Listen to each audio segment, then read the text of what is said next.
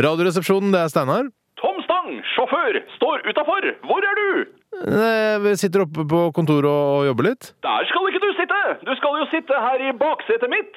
Eh, Nei, jeg skal vel ikke det. Ikke det?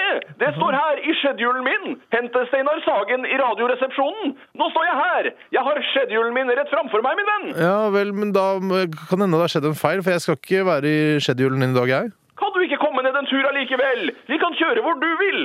Flystevne på Rygge i dag, min venn! De skal fly akrobatisk med en Boeing 737! Men, altså, jeg skal ha sending snart, jeg, Tom. Jeg kan ikke bare ta dagen fri, liksom. Det smerter meg å høre, Det beklager jeg. men vet du hva som smerter meg aller mest? Eh, Nei. Gallesteinene mine!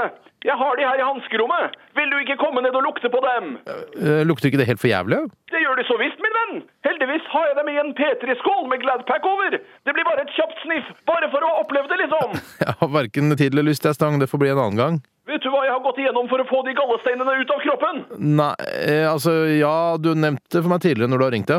Det stemmer det, min venn! Det å ha gallestein i kroppen er jo det mest smertefulle i hele verden! Det går fødsel en høygang!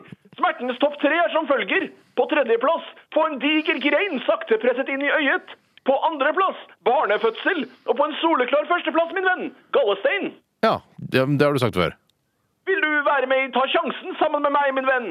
Altså, ta sjansen, det der greiene i Holmenkollen om sommeren, det som på 80-tallet eller sånn, arrangeres det fortsatt? Med den budsjettsprekken de har hatt med byggingen av nye Holmenkollen, kan jeg ikke skjønne annet enn at de må melke den nye bakken for alt den er verdt. Jeg er ganske sikker på at Ta sjansen kommer tilbake. Konseptet mitt er klart. Stor pappllimousin. Når den treffer Besserudtjernet, skyter du ut som et prosjektil rett i bjella, min venn. Jeg veit ikke helt, jeg, Stang. Jeg tror kanskje jeg må si høflig nei takk til det. Da får jeg gjøre det helt alene.